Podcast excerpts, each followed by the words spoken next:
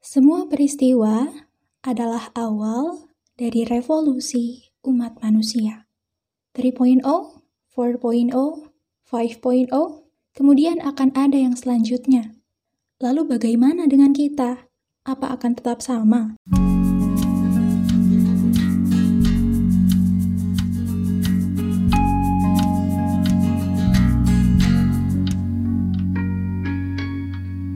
Halo, apa kabar kamu di seberang sana? Kembali lagi bersama aku, Lubana, di Monoscript. Sebuah naskah yang aku tulis dan suarakan sendiri melalui podcast. Di sekolahku dulu, ada salah satu guru sejarah yang selalu ngingetin kalau seorang manusia bersama dengan peradabannya itu nggak akan pernah lepas dari tiga dimensi waktu. Waktu yang lalu, sekarang, dan yang akan datang. Kita ada di masa kini karena kita udah berhasil melewati masa lalu, dan masa depan akan datang dengan cara yang berbeda. Tergantung dengan apa yang kita lakukan sekarang. Coba ya, kita analogikan masa depan itu sebagai seseorang yang bakal bertamu. Kalau kita undang dengan penuh hormat dan dengan segala persiapan, kayak nyiapin suguhan kue-kue, minuman, bahkan bingkisan, si tamu ini dijamin deh bakal datang dengan senang hati. Ngetuk pintunya pelan-pelan, gak digedor-gedor, ngucapin salam dulu, sopan, pokoknya menyenangkan deh. Coba bandingkan dengan tamu yang gak diundang. Terus datang-datang lagi utang deh. Gak enak banget kan? Nah, jangan sampai nih masa depan kita kayak gini, datang dengan tidak menyenangkan. So, kita harus ngapain biar si masa depan ini datangnya dengan baik-baik? Yap, sama dengan analogi kita tadi, kita harus menanti dengan senang hati dan tentunya harus dipersiapkan. Ini dia, kata kuncinya adalah persiapan. Hari ini kita ada di masa COVID-19 lagi jaya-jayanya, ya nggak sih? Seluruh dunia tuh benar-benar terjajah tiba-tiba, bikin semua pihak panik, Bahkan sampai detik ini pun, kita masih belum terbiasa sama keadaan. Tapi, ketika ada gelap, pasti ada cerah. Ketika ada susah, pasti ada hikmah. Si COVID-19 ini ngingetin kita buat lebih waspada dan segera bersiap-siap akan adanya revolusi, terutama revolusi teknologi. Udah kerasa kan sama teman-teman? Sekarang kita udah nggak bisa lepas tuh sama yang namanya jaringan internet.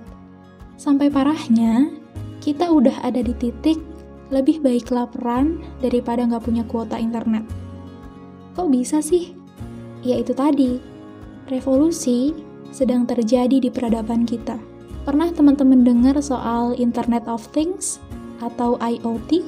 Jadi, maksudnya adalah menghubungkan segala objek fisik yang ada di kehidupan sehari-hari kita ke jaringan internet. Contohnya nih, dulu HP kita cuma bisa nelpon sama SMS kan? Nah, sekarang karena ada internet, bisa jadi multifungsi. Bisa dipakai streaming nonton film, denger musik, baca buku, dan masih banyak lagi. Terus uang. Sekarang kita tinggal scan QR code aja buat bayar-bayar atau mungkin bisa lewat m-banking, lebih simple. Sebenarnya, konsep ini tuh udah pernah aku dapat sejak di sekolah dasar. Waktu itu internet belum sekrusial sekarang, tapi pelajaran tentang Internet of Things ini udah diperkenalkan loh sama guru-guru. Walau belum diajarkan secara mendetail, setidaknya kita tuh dulu udah tahu akan ada sebuah prediksi kalau di masa depan nanti, which is hari ini, internet tuh bakal jadi kebutuhan pokok umat manusia. Ditambah, kondisi COVID-19 tentu bisa mempercepat revolusi yang aku maksud. So, biar kita nggak kaget, kembali lagi ke kata kunci.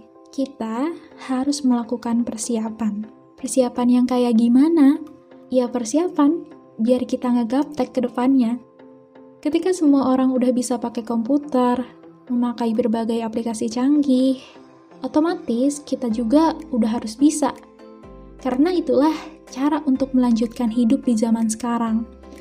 Jangan takut akan perubahan dan segeralah beradaptasi. Terus bagaimana dengan orang-orang tua? Banyak dari mereka yang kurang open dengan adanya teknologi baru. Di sinilah misi kita sebagai anak muda yang harus membantu dan membimbing mereka supaya bisa mengoperasikan teknologi dan terhubung dengan internet. Contohnya bapakku, beliau umurnya udah lebih dari setengah abad, dan pekerjaannya menuntut untuk bisa menggunakan smartphone, internet, dan berbagai fitur serta aplikasinya. Beliau nggak bisa nih, buat ngopi link aja, pusingnya udah minta ampun. Dan aku selalu dipanggil buat mengatasi segala kepusingan itu. Di sinilah peranku sebagai anak muda membantu orang tua untuk bisa beradaptasi dengan teknologi.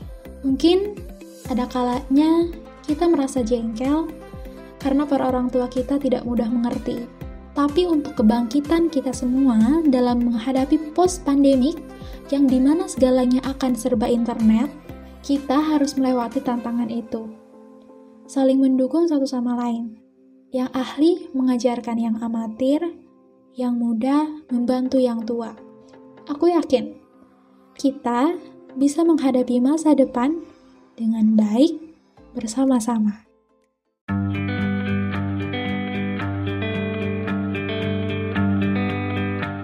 Sekian podcast manuskrip kali ini. Semoga bermanfaat.